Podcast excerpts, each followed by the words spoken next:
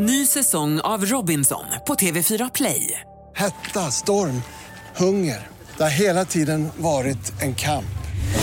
Nu är det blod och tårar. Fan händer just nu. Det. är Detta är inte okej. Robinson 2024, nu fucking kör vi!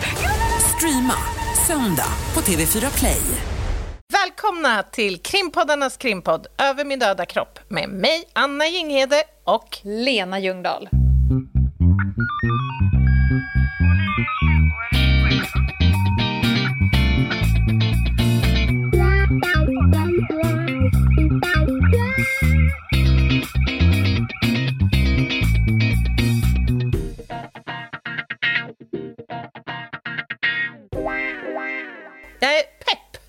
Det, det, ska det vara, för att nu ska vi ut på bäverjakt höll jag på att säga. Nu ska Oj. vi ut på, på spännande saker. Men först vill jag komma med lite samhällsinformation. Ja, varsågod Lena. Idag är det ju avsnitt 93. Mhm. Välkommen alla nya lyssnare. Och idag, från och med detta avsnitt, så pågår också ett ÖMDK-bingo som Ja. lanserades igår på Instagram, på. Ljungdahl och Ginghede, Ja. samt på Facebook på vår lilla fanclub-sida som heter Över min döda kropp, eftersnack Mm. och diskussioner. Men kan du fatta Lena, nu behöver man inte längre uppsöka den där sunkiga lokalen där det sitter tre själar i varsin ände, röker John Silver utan filter och spenderar alla bidrag på bingo. Mm, med duttpenna. Duttpenna. Nu kan man göra det här hemma som ett stort nationellt kollektivt samkväm Ja. bara. Rullar ut bingot. Man bakar sina egna mandelkubb och sätter fart. Och Nej, men vi alltså, det, här, det här är ju inte ett påhitt från oss, utan i vanlig ordning är det ju en briljant lyssnare som skickade detta till oss. Och då är det en, en bingobricka och eh, det är alltså saker som sägs och görs i podden. Och då kan man helt enkelt fylla i. När man hör och ser, då fyller man i vilket avsnitt och ungefär när. Sen skickar man detta. Alla, alla förutsättningar finns på Instagram och på Facebook. Vi kommer att dra en vinnare. Tävlingen är slut på Görans dag. Ja, Den bara en 23 sån april. sak. Ja, Ja. Och vi kommer också ha priser. just det. Och man får alltså inte lyssna bakåt, utan det är från detta avsnitt 93 och framåt som man får åberopa. Ja, nu blickar vi framåt. Nu Helt enkelt. vänder vi blad. Ja. Ja, men det är roligt. Jag minns ju Leif GW Perssons motsvarighet. Han hade ju ett, ett sånt här bingo. Och det blev Mhm. ju fullständigt viralt. Vi kan ju hoppas på något liknande. Jag tror det har potential faktiskt. Ja.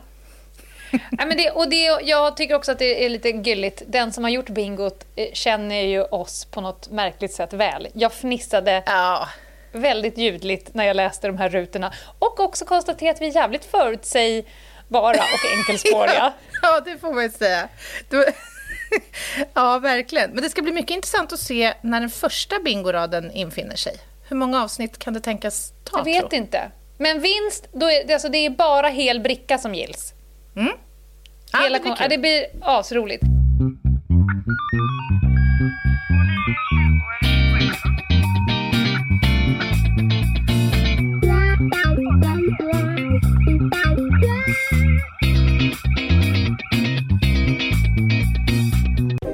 Till dagens tema. Vart ska vi? Till dagens tema. Nej, men idag ska vi ägna oss åt ett ämne som jag personligen, jag vet inte hur du känner, men jag tycker det är lite så här mytomspunnet. Jag är på inget sätt expert på ämnet, eh, men jag har viss erfarenhet yrkesmässig och jag har också försökt att eh, göra en liten uppfräschning av mina rättsmedicinska kunskaper framför allt. Vi ska alltså prata om gifter och förgiftningstillstånd som vi dels har stött på i, liksom, yrkesmässigt men som vi också kanske kan relatera till Snövit, höll jag på att säga. blev snö, ja, Snövit blev förgiftad. Ja, men, jo, eh, men äpplet va? Ja, äpplet och... Alltså vi, vi har stött på fenomenet i olika sammanhang, både i verkligheten men också i fiktionens värld. Det är ju inte ett helt ovanligt tema i Agatha Christies litteratur till exempel. Nej. Men, men vi måste väl ändå smaka på ordet ond kemi? Det älskar Ja. man ju. Ja, man älskar Är det- ju... Är det titeln på bok nummer två? Nej, det tror jag inte, för då kommer vi i så fall sno Ulf Elleviks eh, fantastiska boktitel Ja, som nej, heter nej, just Ond kemi. Men alltså, jag tror vi kommer kunna hitta någon variation där. Mm. Någon, eller någon variant på det. Men du, det här med gifter, det har ju en ganska lång historia, såklart. Det har ju hjälpt oss i tusental år, men det har ju naturligtvis också orsakat ett och annat dö- dödsfall, om man säger så. Ja. Eh, en sån här livsviktig funktion med gifter var ju att man använde det för att ha ihjäl varandra för många tusen år sedan. Den klassiska giftpilen har, har väl alla hört talas om till exempel. Förlåt. En livsviktig, ja, en livsviktig funktion var att vi hade ihjäl varandra. Jag tycker ändå att den meningen har något. Okej, vi tar om den. Vi tar Nej, om den. vi tar inte om den. Den Ja. var fan spot on. Jag menar att den var ju livsviktig. Alltså, att kunna göra det här var ju livsviktigt, för det handlar ju om ens överlevnad. Ja, Ja, vi förstod allihop. Det var bara en rolig mening. Förlåt att min otydlighet. Eh, Gud, kommer jag helt av mig här. Och vi har ju haft problemet likväl att vi inte alltid har förstått att det vi till exempel har stoppat i munnen eller exponerats för har varit giftigt. Idag har vi Nej. ganska bra liksom, koll på i alla fall de ämnen som vi exponeras för mest i vår omgivning. Eh, Men det finns ju också ämnen som varken luktar eller smakar illa och, sådär, och som kan vara livsfarliga för oss om vi tar, och rent av ja, dödliga om vi tar in för stora mängder av det. Sen ska vi inte glömma att det finns en hel massa människor som dagligdags petar i sig saker som de är fullt eh, eh, informerade om att de är giftiga, men gör det ändå. Ja, men saken är ju faktiskt den också att allt är ju giftigt i tillräckligt stor dos. Ja. Minns du vattenhysteri-eran? Sportflaskornas storhetstid. ja Masterclassen snutt, i- snuttandet. Precis. När varje dag på en vårdcentral var som en masterclass i urinvägsinfektion och njursvikts eh, liksom, ja, diagnostik. Jag har också ägnat eh, alldeles för mycket tid av mitt liv att diskutera med drogliberala haschtomtar om huruvida saker som är gjorda av Moder Svea eh, och Moder Jord kan vara farliga eller inte farliga. För de hävdar ju då att det här är gjort av Moder Jord och kan därmed inte vara farligt. Meta kommer ju komma in i programmet eh, om en liten stund och hon kommer förklara en del saker som Moder Jord har vänta. evolutionerat fram. Men då brukar jag ju säga till dem så här, om du tar och skälper i en deciliter salt bara på dir så kan Ah. vi väl ta förhöret vidare senare. Du om menar, du lever. du menar att ett argument skulle då vara att bara för att det här är en naturlig produkt, Mm. alltså, så, så skulle det inte vara farligt? Nej, men jag har ju också sagt att man kanske inte blir jätte, jätteintelligent av narkotika. Ja, det är taget. Ja. Man upptäckte ju också vid någon tidpunkt i historien då att många av de här medlen också faktiskt kan vara botande ju. Och det är upptäckter som vi har tagit fasta på och som är till glädje för oss än idag. Vi återkommer till det där lite senare. Ska vi försöka reda ut vad ett gift är för någonting? Ja, gjort. tackar, tackar. Man kan ju eh, klassificera gifter på lite olika sätt. Eh, man kan prata om gifter från växter. Och det vet jag att du har gjort lite förarbete på. Pratat med en expert, får vi väl kalla henne, på området. Jag har varit på besök i Dödens trädgård. Vi Oh. återkommer. Spännande. Och vi har ju naturligtvis gifter från djurriket. Från orm och spindel och alla möjliga typer av härliga eh, varelser. Och sen har vi ju sådana som också är framställda av människan själv. Man kan också prata om organiska eller naturliga gifter. Eller oorganiska. Eller syntetiska. Alltså det finns lite olika klassificeringar. Eh, Och förenklat kan man säga att det spänner från då bakteriestorleken upp till liksom lösningsmedel och industriella produkter. Så allt däremellan. Får jag peta in en sak om ett lösningsmedel eller en industriell produkt? Ja, det tycker jag. Jag, Jag har varit på plats eh, när en flicka har fått en akut förgiftning av att ha boffat bensin. Åh fy. Det är ganska läbbigt ska jag säga. När man boffar bensin, det som händer är ju att man får syrebrist i hjärnan och ett rus uppstår. Eh, tar man för mycket och framförallt i det här fallet man blandar med alkohol, då är det ju absolut livsfarligt. Och när hon berättade det här för mig, hon var fullt tarbar, jag hittade henne på ett tak med två äldre eh, män. Eh, ja, men jag tyckte hon verkade liksom pigg och med i matchen. Och så sa hon då, eller jag såg ju vad de hade gjort. och så ringde jag till sjukvården direkt. Så att här är en flicka, jag tror hon var 14, hon har boffat bensin. Och reaktionen från sjukvården gav faktiskt mig en ganska rejäl chock. Jaha. För det var verkligen så här typ, ta henne under armen och spring ner till bilen. Eh, ni måste in akut med henne. Och jag, då tittade jag på en tjej som satt där och tuggade tuggummi och bara okej. Eh, men sen så blev hon riktigt, riktigt dålig. Och det här kan ju slå åt alla möjliga håll. Ehm, så där hamnade ju vi i kolla andning, cirkulation, medvetandegrad. Mm. Det var riktigt, riktigt läskigt.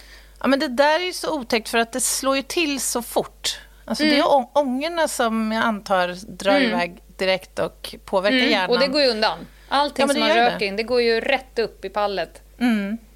och det är väl så... eh, läskigt. Ja, och det är ju ett exempel också på hur gifter påverkar oss. För att de kan Mm. ju slå lite olika på kroppen naturligtvis. Mm. Men andning, andningen är ju ehm, ett, eh, en del och det kan ge smärta eller förlamning eller Mm. ja, förvirring och kräkning och allt möjligt.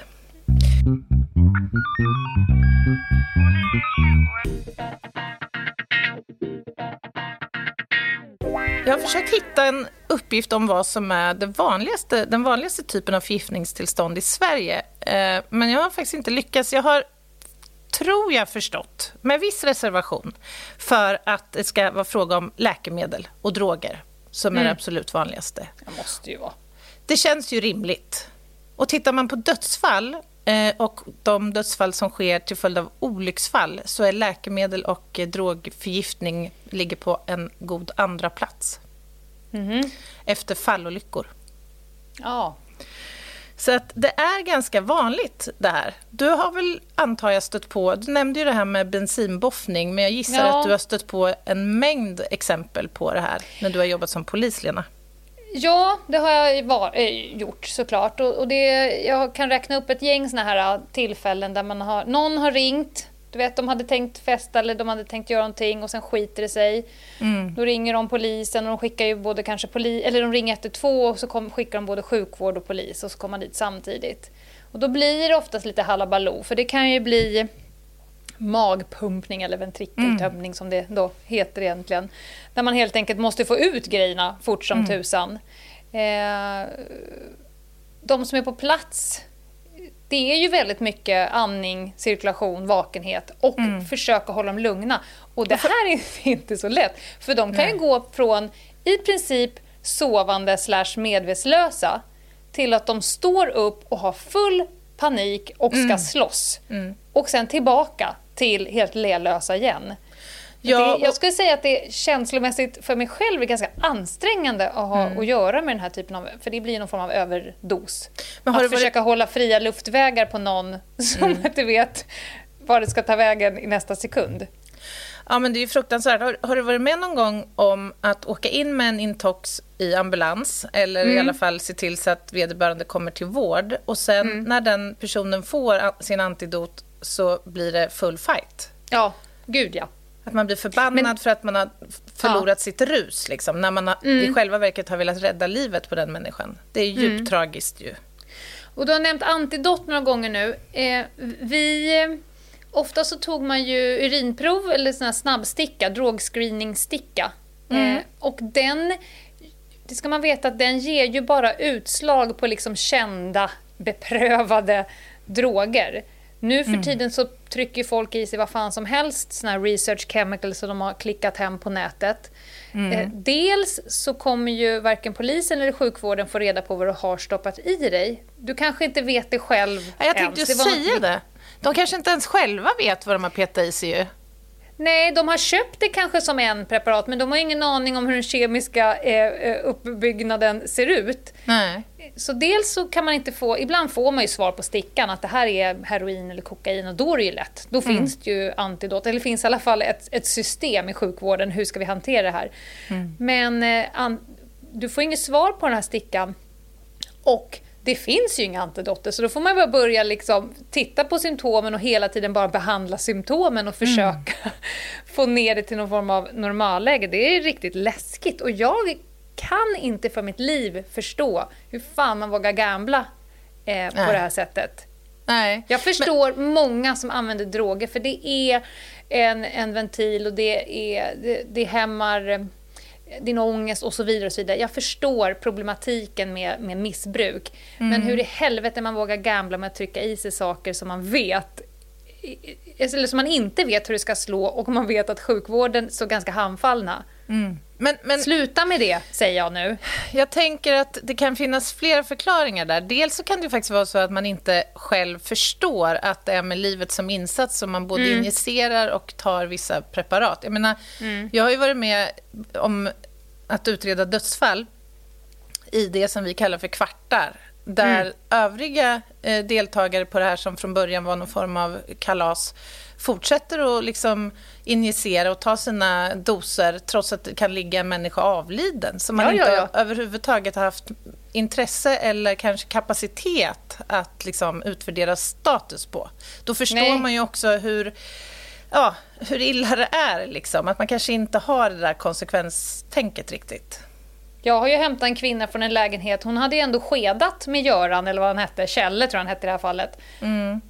Två nätter. Och Ja. tyckte att till slut, så när han inte svarade på om han ville ha en grogg till, då förstod hon att det var något som var fel. Nej men Ja. sluta.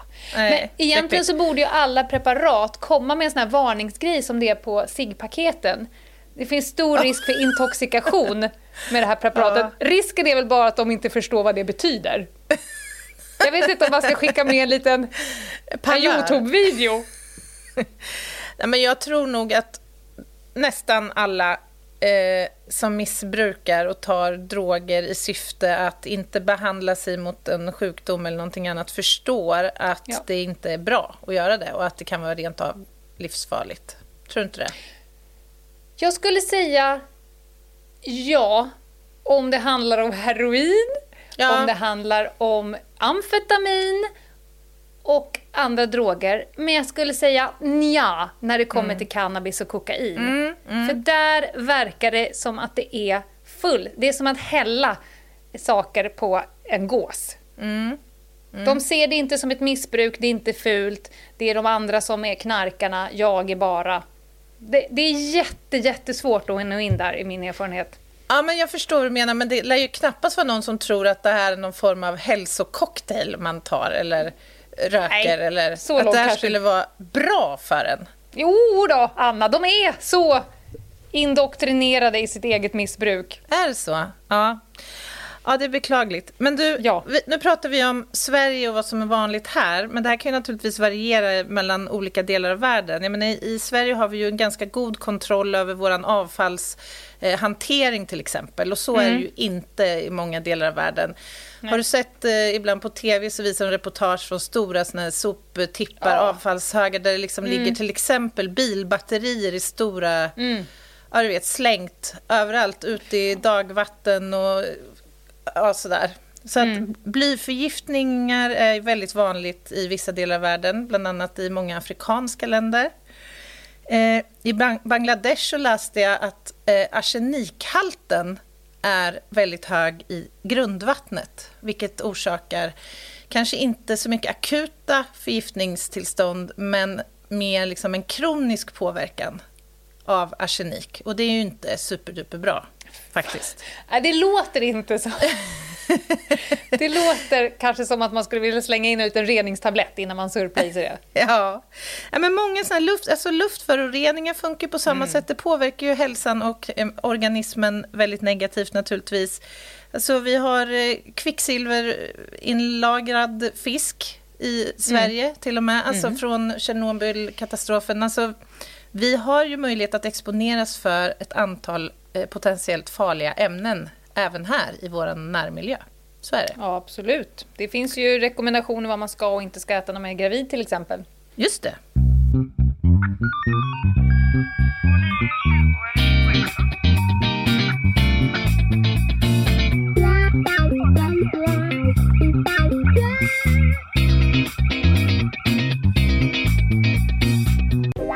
Jag är så himla nyfiken på dyka ner lite grann i växtriket och höra om växtgifter.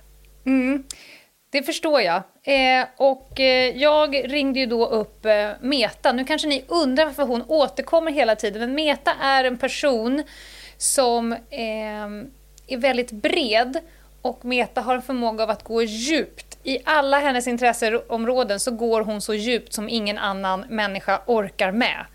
Så att vi pratar ju löpmeter på löpmeter om små, små, små nördiga ämnen. Och det är därför hon ofta blir en källa av kunskap. Och Meta är ju eh, Evil Genius Garden Crew. Eh, hon är ju helt självförsörjande och kan odla upp vad som helst och sådär. Och har då såklart en fäbless för dödens trädgård. Så att jag ringde upp Meta. Jag hoppas innerligt att jag stör. Du stör precis som vanligt. Ja.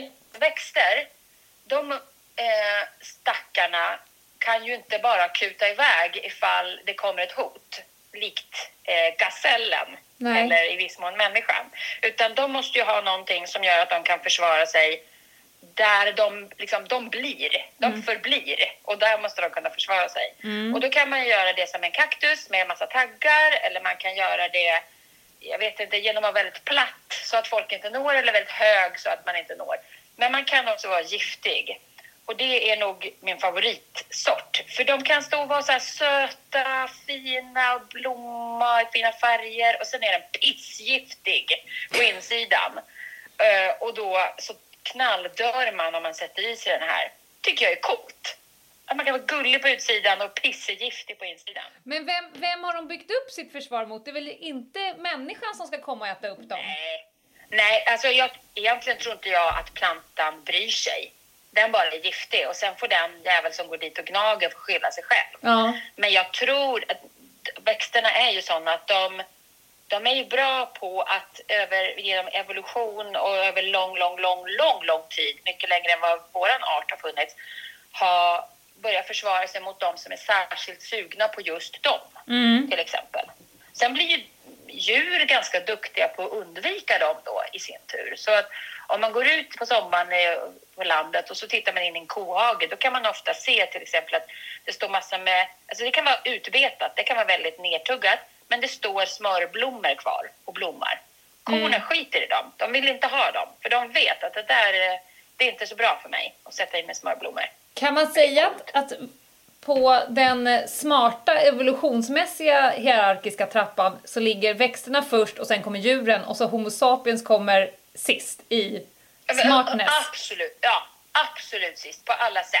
En, jag brukar säga det, vi brukar säga det i våra föreläsningar, att Ja. vi, är en- vi är som, en, som ett geléhallon som ligger och dallrar. Vi har ingenting att sätta emot Nej. i förhållande till dem. Okej, vad, vad, jag gissar att människan genom tiderna har lärt sig saker om bolmört och så vidare. Vad, Ja. har man, vad finns det för användningsområde? Jag gissar att du har cirka 12 löpmeter böcker om eh, historier kring hur människan har utnyttjat växternas smarthet. Alltså det har jag i, i sanning. Och, och dessutom så, jag tänkte faktiskt det, vi kanske ska göra så på, på er Insta sen, att det kan bli lite boktips. Ja, Giftiga växter. Jag har ett gäng eh, riktigt schyssta böcker som är roliga att, att läsa och ta del av. ja. Men um, alltså människan har ju vetat om väldigt länge att växter innehåller saker och ting som påverkar oss på ett eller annat sätt. Det, det känner ju antropologer till sedan många tusen år tillbaka. Att människor har använt em, liksom, växter för, som läkemedel. Och ett läkemedel kan ju också bli en drog beroende på lite på vad man har den till. Och den kan också bli ett gift eh, för att göra något som är ont. ja. Så att till exempel så vet vi ju att indianstammar har använt liksom, psykogena, alltså hallucinogena och, ämnen för att skapa liksom, religiösa riter och sådär. Det, det finns det ju liksom belägg för och man har hittat ämnen som styrker. Och sen så finns det ju eh, berättelser från de delar av världen där berättelser har sparats. Liksom. Det kan vara romarriket till exempel, där finns det ju mycket texter. Där vet vi att Sokrates till exempel, filosofen, han eh, dömdes ju till döden för, för sina olika fria, fritänkande idéer. Och då, sättet han avrättades var genom att han fick eh, dricka en bägare med avkok från just bollmört och lite andra olika pissegiftiga växter också. Så att det var ett sätt att, eh, liksom, att avrätta människor, att dricka gift. Va, vad händer med, med kroppen när man stjälper i sig gift? En brygd med gift?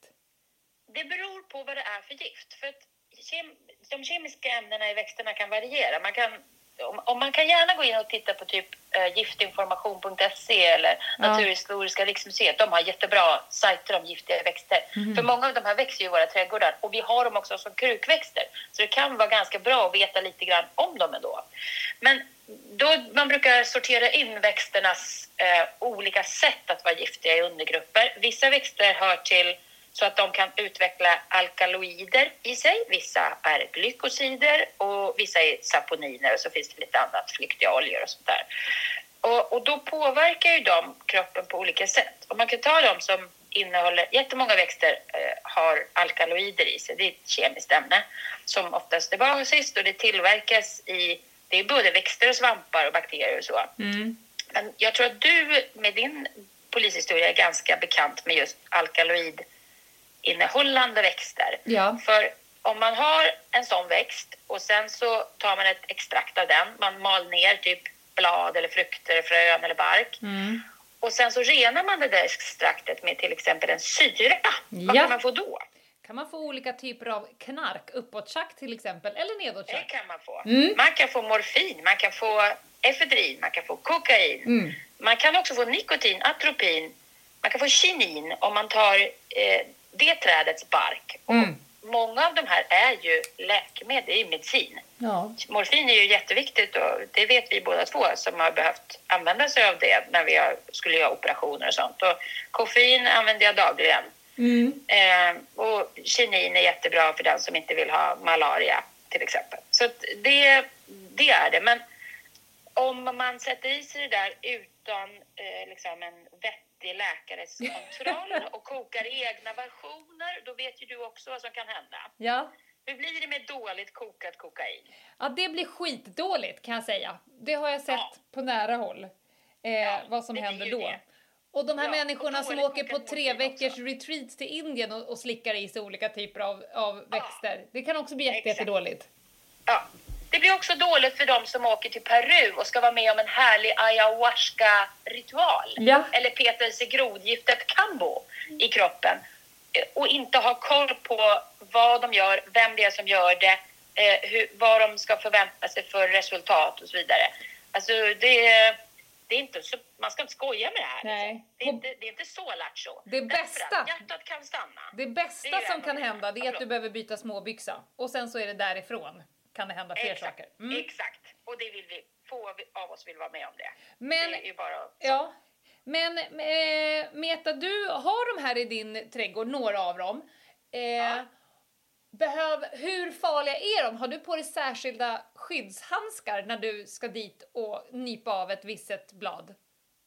Det har jag inte. Nej. Därför att de absolut flesta växter är inte farliga att ta i och plocka och liksom hålla på. Det farliga är att äta dem. Ja. Och framför allt att äta dem i lite större mängd. Det finns växter som är så farliga så att de är, skulle, och som kan växa här som är så farliga att de är dödliga om man käkar i- ett blad. Ja. Det finns sådana. Eh, eller ett frö eller en barken eller någonting som där gnager på. Så att, men jag är ju vuxen människa. Jag går inte och gnager på mina växter. Så Nej. att jag, om jag inte vet att det är en grönsaksväxt. Liksom. Så det är inte någon fara. Det, det finns ju de som har flyktiga oljor i sig och det är det som är Ehm, alltså om man får dem på huden så, så kan det bli riktigt irriterat. Du kan få brännskadeliknande Mhm. blåsor och sådär. Som när vi pratar om jätteloka till exempel. Ja, den är ibland. Björnloka, den, är, den kan vara sån. Hmm. Det finns andra såna också. Eh, de ska inte vara på hud och då skulle man ju absolut använda handskar. Men de har inte jag i min trädgård för att de, det, är, det är inte så lyckat när man bara, det räcker med att bara ta på dem. Men eh, jag har ju en, eh, jag har en, en role model, en, en förebild i den här typen av trädgård på någonting som kallas för dödens trädgård. Ja.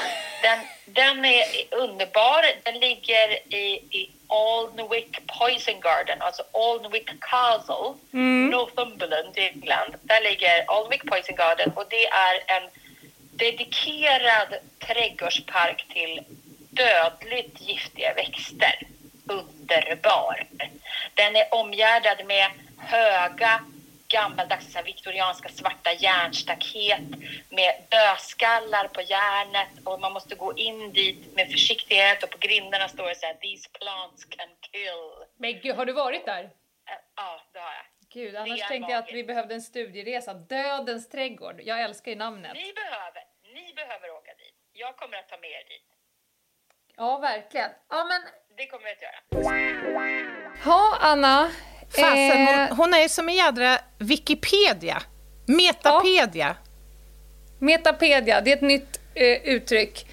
Men framförallt så sådde hon ju ett frö här nu som gör att när du har... Bra där Ljungdahl. Ja, jag vet! Och sådde ett frö. Ja.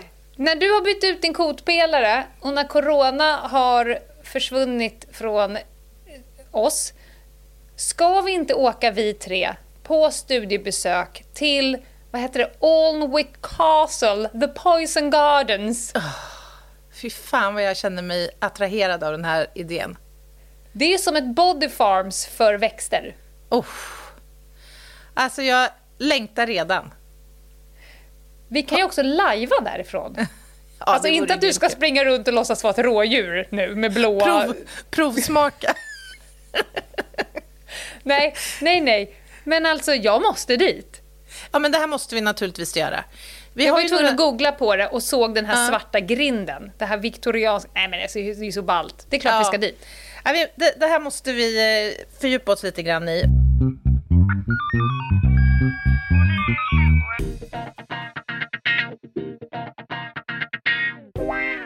Övergången här blir väldigt bra, för jag tänkte att nu kan vi prata lite grann om eh, gifter som mordvapen. Mm, gärna. Syragruppen är intresserad. Ja, jag tänker att det här borde ligga Syragruppen nära eh, och varmt om hjärtat. Har du eh, arbetat med något ärende sådär som du kan dra dig till minnes som rör eh, alltså dödligt våld genom gift, förgiftning? Inte vad jag vet om. Jag har ju mest spanat på så här spaningsmord. Eh, när det väl börjar utredas då blir ju vi spanare ganska bortkopplade. Eh, nej, inte kan, som jag kan dra mig till minnes. Nej. Eh, vi, vi var inne lite grann på Agatha Christie tidigare. Eh, jag läste lite grann på, för det här med gifter som mordvapen är ju populärt i, eh, som sagt, fiktionens värld, inte minst. Eh, hon har ju skrivit ett antal deckarromaner, varav 80 stycken förekommer det lömska giftmord. Men sluta! Förstå. Vad finns det inte att älska med denna dam? Ja, men alltså, jag är så full av beundran för henne. Jag var tvungen att läsa på lite grann för att förstå hur 17... För att jag menar, det är ju en sak att vara duktig på att skriva, men det är en annan att vara vass på eh, gifter. Hon har, jobbat som, eh, hon har jobbat på sjukhusapotek.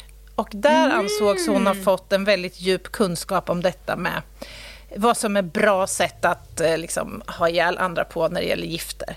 Eh, men bara för att nämna några då, i hennes repertoar här så använder hon arsenik, blåsyra, digitoxin, alltså från fingerborgsblomman, som Meta var inne på, nikotin, ormgift, idegranbär, tallium.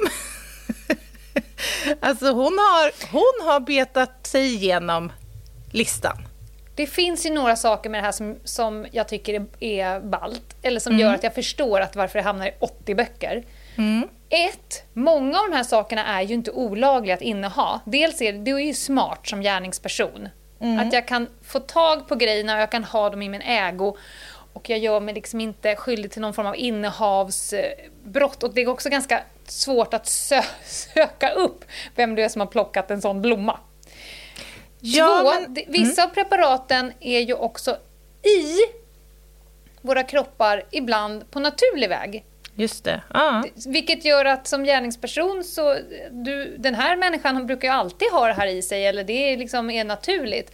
Det är bara Mm. dosen som är lite skev. Så det är ju ett jävligt fiffigt sätt att Mm. eh, skicka ut någon på regnbågsbron. Ja, men det är ju, alltså det, när jag tittar tillbaka på de ärendena som jag själv antingen har varit involverad i eller känner till så har ju just det här som du är inne på varit liksom utmaningen.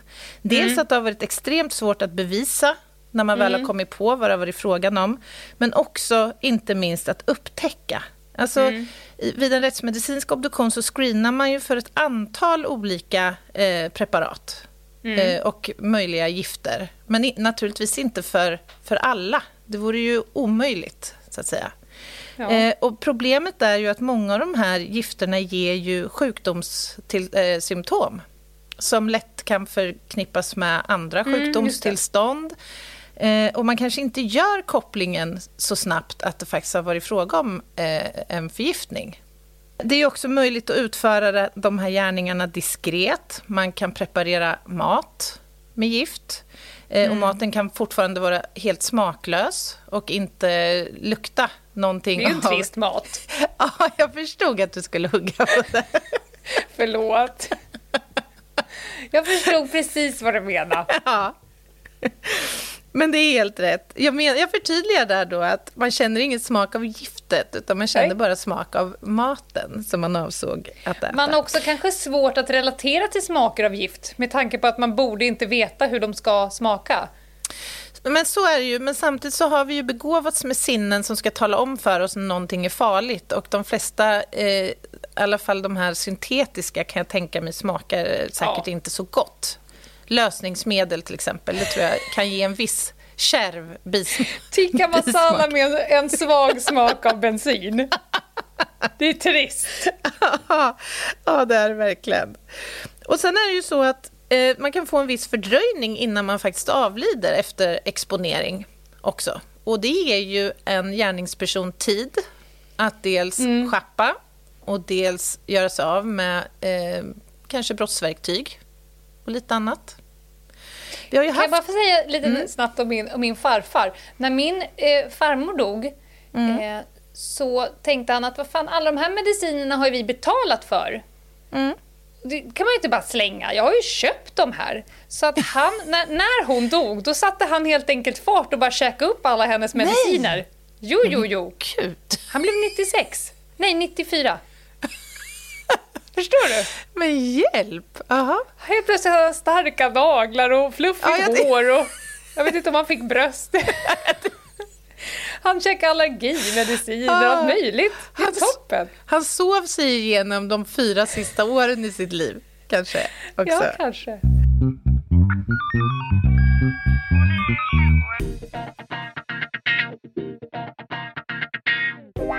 Historiskt så har det här moduset, alltså eh, mordsättet, varit ett förstahandsval för kvinnliga mördare. Och det kan man ju kanske förstå på ett sätt. Sneaky bitches. Ja, ja men alltså det krävs ju ingen vrålfysik för att övermanna någon Nej. med gift, till exempel. Och när jag tittar på mina fall av dödligt våld mot barn, där ju kvinnor utgör en ganska stor del av förövarna, nästan 50 procent, så är det ganska vanligt förekommande även där. Det är ofta insulin, till exempel. Mm. Det kan vara fentanylplåster, har vi några exempel på, och andra typer av droger. Ja, ofta ens egna medikamenter, helt enkelt. Som inte ett barn, som är en barnkropp kan hantera. Ja, och sånt som det naturligt ska finnas i hemmet. Mm. Ja, men precis. Eh, En annan faktor här som kanske spelar viss eh, roll också är att flera av de här preparaten är inte jättesvåra att få tag i. Kommer du ihåg eh, Dagens brott och ett av fallen som vi läste in? Mm, och det kloroform eh, Kloroformmordet, ja. i Hökarängen. Ja, exakt. Kloroform kunde man ju köpa ganska länge, eller kan köpa eh, fortfarande, på, ja, men från apotek. Det ju, används ju fortfarande faktiskt i, i eh, tandvården i en form. För det är ett lösningsmedel som kan lösa upp i tandvården då, eh, rotfyllningar, till exempel. Kickan Granell tror jag hon hette Just det. i det där eh, caset. Har du några andra uppslag på såna här typiska gifter då som du känner igen från mordfall? Cyanid till exempel, är det bekant för dig? Ja, cyanid är bekant, men nu när du bara säger allt det där, jag bara eh, juridiktönten i mig säger att det här är ju väldigt svårt att bevisa. Eh, och än viktigare blir det då när man kommer till en plats där någonting har hänt. Det behöver ju inte vara mord, det kan ju faktiskt vara misshandel och grov misshandel också, eller vållande till kroppsskada. Eh, hur viktigt det är att söka brett och beakta allting. För som du säger, det ska skrinas i kroppen och man ska märka det. Sen ska du också se att halterna är för höga, att de inte har kommit dit naturligt eller frivilligt, att det är någon annan som faktiskt med uppsåt har petat i dem i dig. Just det. Antingen tryckt i dem i dig eller på något sätt förmått dem, försatt dig i vanmakt för att sen peta dem i dig. Det här är ju jävligt svårt att, att bevisa. Och det vill till sig att man verkligen drar och, i alla trådar och vevar runt. För att, som ni har då lärt er, vi måste ju täcka de subjektiva rekvisiten. vi måste komma upp i uppsåtsfrågan. Om det är uppsåtsbrott så ska det vara uppsåt. Är det ett annat brott så behöver det åtminstone vara oaktsamhet. Eh, och det här är inte helt lätt. Kunna, du kan ju inte fråga den döde. Så då ska Det det, bevisas svårt. på annat sätt att någon med uppsåt har stoppat i dig Mm. det här för att få en förväntad effekt. Inte lätt. Nej, men jag tänker att, och jag kanske är helt fel på det här, men jag tänker att ofta så är de här ärendena att de föregås av viss planering ju. Därför att du måste ju införskaffa drogen eh, eller giftet och du måste på något sätt då förmå eller på annat sätt se till så att den här, det här offret får i sig det här. Och I normala fall så är ju ofta eh, den rättsmedicinska obduktionen enormt vägledande. Eh, men här tänker jag också att det måste vara oerhört viktigt för utredningen att försöka kartlägga eventuella inköp, sökningar på nätet. Ja. Men det är det jag menar att man måste tänka brett. För att, eh, jag tror inte att eh, kunskapen om intoxikation är stenhög när man lämnar Polishögskolan av det enkla att det är ganska ovanligt, tack och lov. Det är ju extremt sällsynt. Ja, det är det. Men att man, när man är på en plats där någonting har hänt eller någon person har anträffats död, även om allting ser supernaturligt ut, och så får man reda på senare via eh, den rättsmedicinska undersökningen, så, organ har varit hos patologen och man har fått ett svar. Det är jävligt svårt att gå tillbaka till lägenheten sju veckor senare och leta efter. Och då säger de att men just i det här fallet är det viktigt med inte vet jag, det kan vara små påsar, ampuller, det kan vara eh, vågen. Du vet, man måste söka så brett för man, det är liksom one shot man har kanske. Ja, och det du pratar om som slår mig är ju hur viktigt det är med samverkan i de här ärendena. Alltså mellan rättsläkaren och, å ena sidan och å andra sidan utredningssidan. Och förundersökningsledaren såklart. Minns du kanske eh, det här ganska uppmärksammade cyanidfallet som har varit på tapeten sista åren, fram och tillbaka? Eh, det är avdömt och, och klart, så att säga, men jag ska bara kort nämna det att det tog ju alltså... Man gjorde ju en omobduktion av offret där efter att en anhörig hade stått på sig och kände sig ganska övertygad om att inte hennes eh, pappa hade dött en naturlig död, helt Nej. enkelt. Och när man då screenade för olika preparat så hittade man ju en hög förekomst av cyanid. Och då blev det ju såklart en utmaning, för nu hade ju ganska lång tid gått. Den som eh, kunde misstänkas för det här förnekade ju all involvering i detta eh, och att det skulle ha gått till på det här sättet. Eh, men då var det så att i den här historien så fanns det en guldsmedsbutik eh, butik involverad. Och cyanid används för att lösa upp guld. Ja. Så en sån eh, information och uppgift måste ju då vara jätteviktig att kunna klarlägga. Alltså att man måste kunna få tag i det här giftet någonstans ifrån. Ehm, vad, vad har du på cyanid för övrigt? Är det något du är bekant med sedan tidigare? Nej, Jag har inte varit involverad, tror jag, i något ärende. Alltså det har ju använts historiskt som ett bekämpningsmedel eh, för att utrota insekter bland annat. Ja, exakt. Och det är ju ett starkt gift, eh, kaliumcyanid.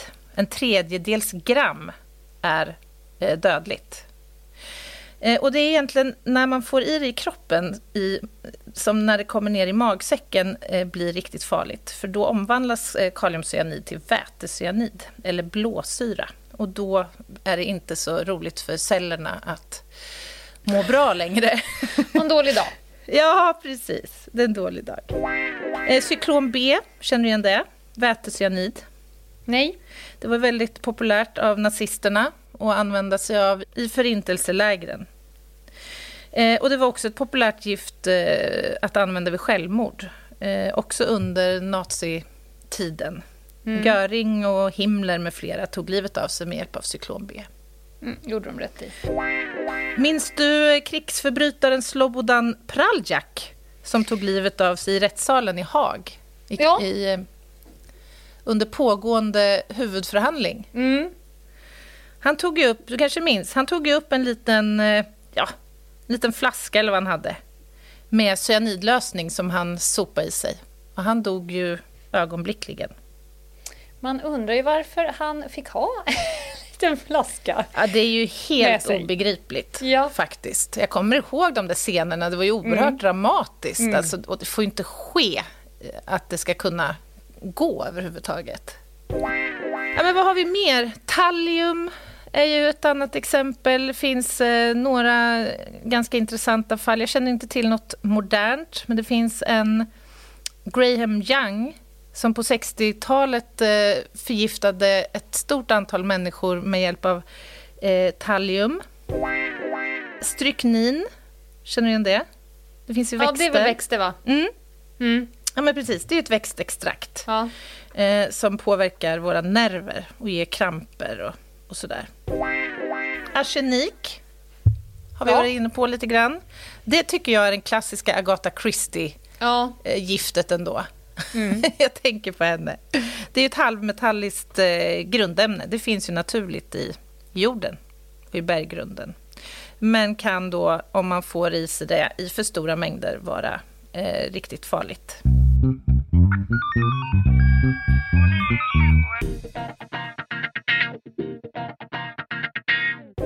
Det finns ju ett ny, en ny form av råttgift som är jävligt läbbig.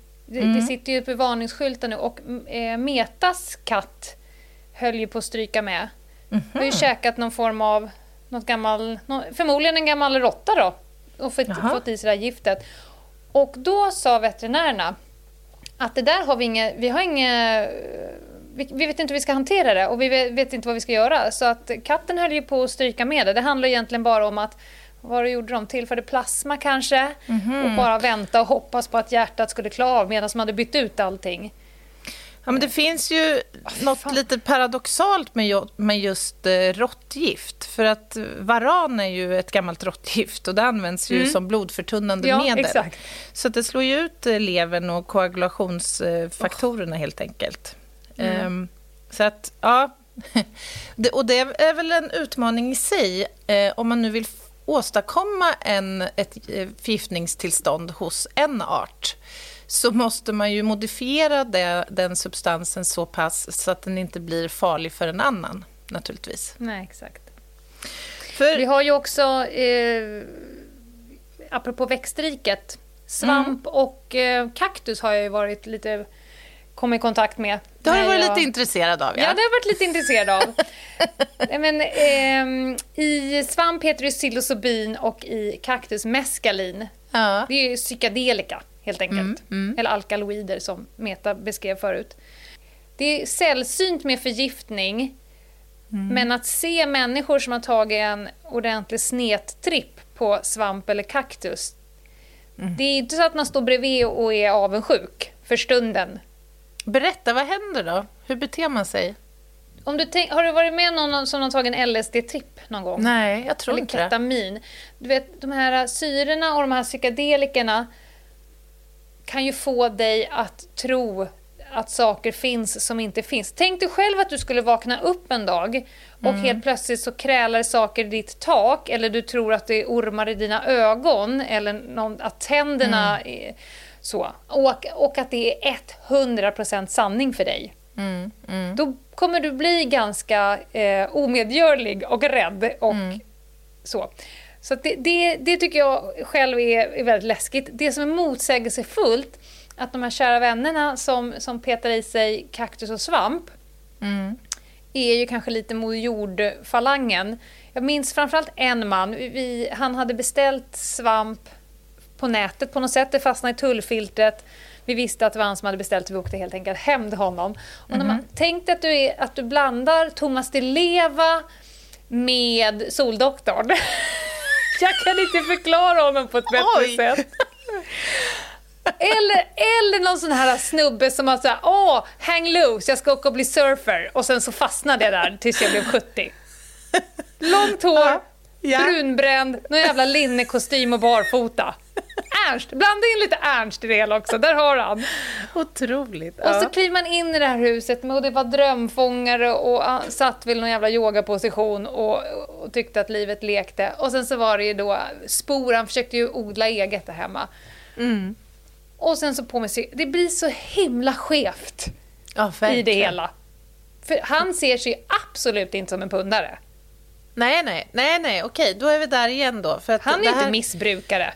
Okej, jag fattar. Det är, det är potatis, det är eh, sallad och, sen, Potatistryck. och, och lite svamp. Det Ja. från, kommer från samma källa liksom. Ja. Svampa, svamparna då? Växer de? Kan jag gå ut i skogen och hämta mig Ja. en korg? Gud ja. Toppslätskivling kan du hitta, det har jag nämnt tror jag, kan du hitta på i kohagar, i den här stora gräsmattan bakom Stockholms universitet kan man se teknikerstudenterna, nu fick de sig en slev här, ute och, utan svampkorg och utan någonting kan de vara ute och vara väldigt intresserade av toppslätskivling, för det är psilocybin. Ska de hem och så käka svamp och ha en trevlig kväll. Åh, på tal om att inte veta vad man stoppar i sig. Nej, och då är vi tillbaka på uppsåtsfrågan. För då sa min mamma, nej men gud, tänk om jag skulle råka plocka en toppslätskiva. För hon plockar ibland lite svampar och så kollar hon i bok när hon kommer hem, lite spännande. Ja, men då har du ju inget uppsåt till narkotikabrott. Däremot, om du heter Sebbe och är ute i lågskor och hasar runt på gräsmattan bakom universitetet utan svampkorg och prickig korvmacka och hävdar att du inte har uppsåt, det är svårare. Ja, det, ja, jag förstår. Jag förstår. Det finns en tid och en plats.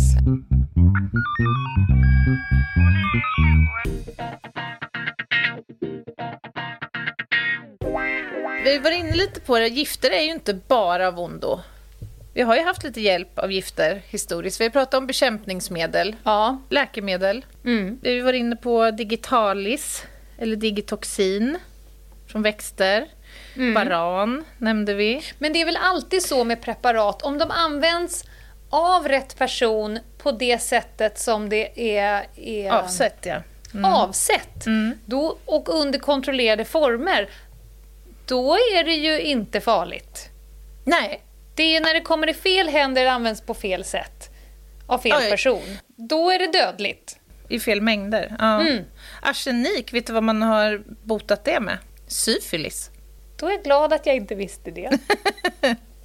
Nu vet du det. Det var det första riktigt verksamma medlet mot syfilis. Äh, men intressant Anna, det här var ju eh, spännande. Jag får uppslag till Ska vi bli som Agatha Christie? Ska vi skriva 80 böcker om olika giftmord? Jag måste göra en liten korrigering där. Jag orkade inte göra det då, men jag sa 80 böcker. Ungefär hälften av hennes... Hon har skrivit 80 böcker. Hälften av dem är gift. Är det gifttema på.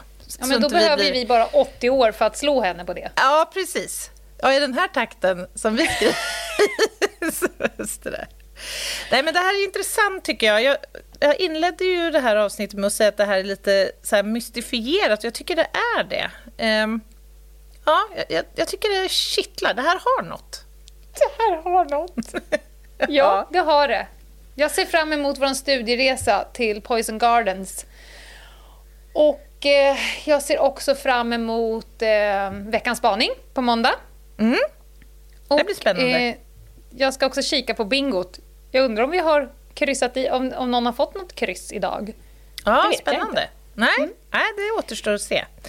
Eh, och till på måndag så tycker jag att besök oss på Instagram, Ljungdahl och Ginghede. Eller mejla ljungdahlochginghede.gmail.com.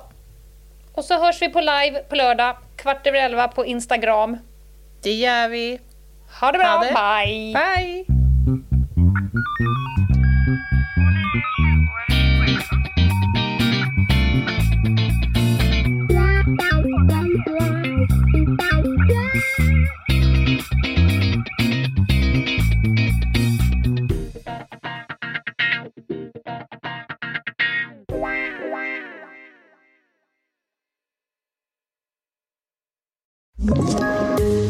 Poddtips från Podplay. I podden Något Kaiko garanterar östgötarna Brutti och jag, Davva, dig en stor dos skratt. Där följer jag pladask för köttätandet igen. Man är lite som en jävla vampyr. Man har fått lite blodsmak och då måste man ha mer. Udda spaningar, fängslande anekdoter och en och annan arg rant. Jag måste ha mitt kaffe på morgonen för annars är jag ingen trevlig människa. Då är du ingen trevlig människa, punkt. Något Kaiko, hör du på Podplay. Därför är gardinerna.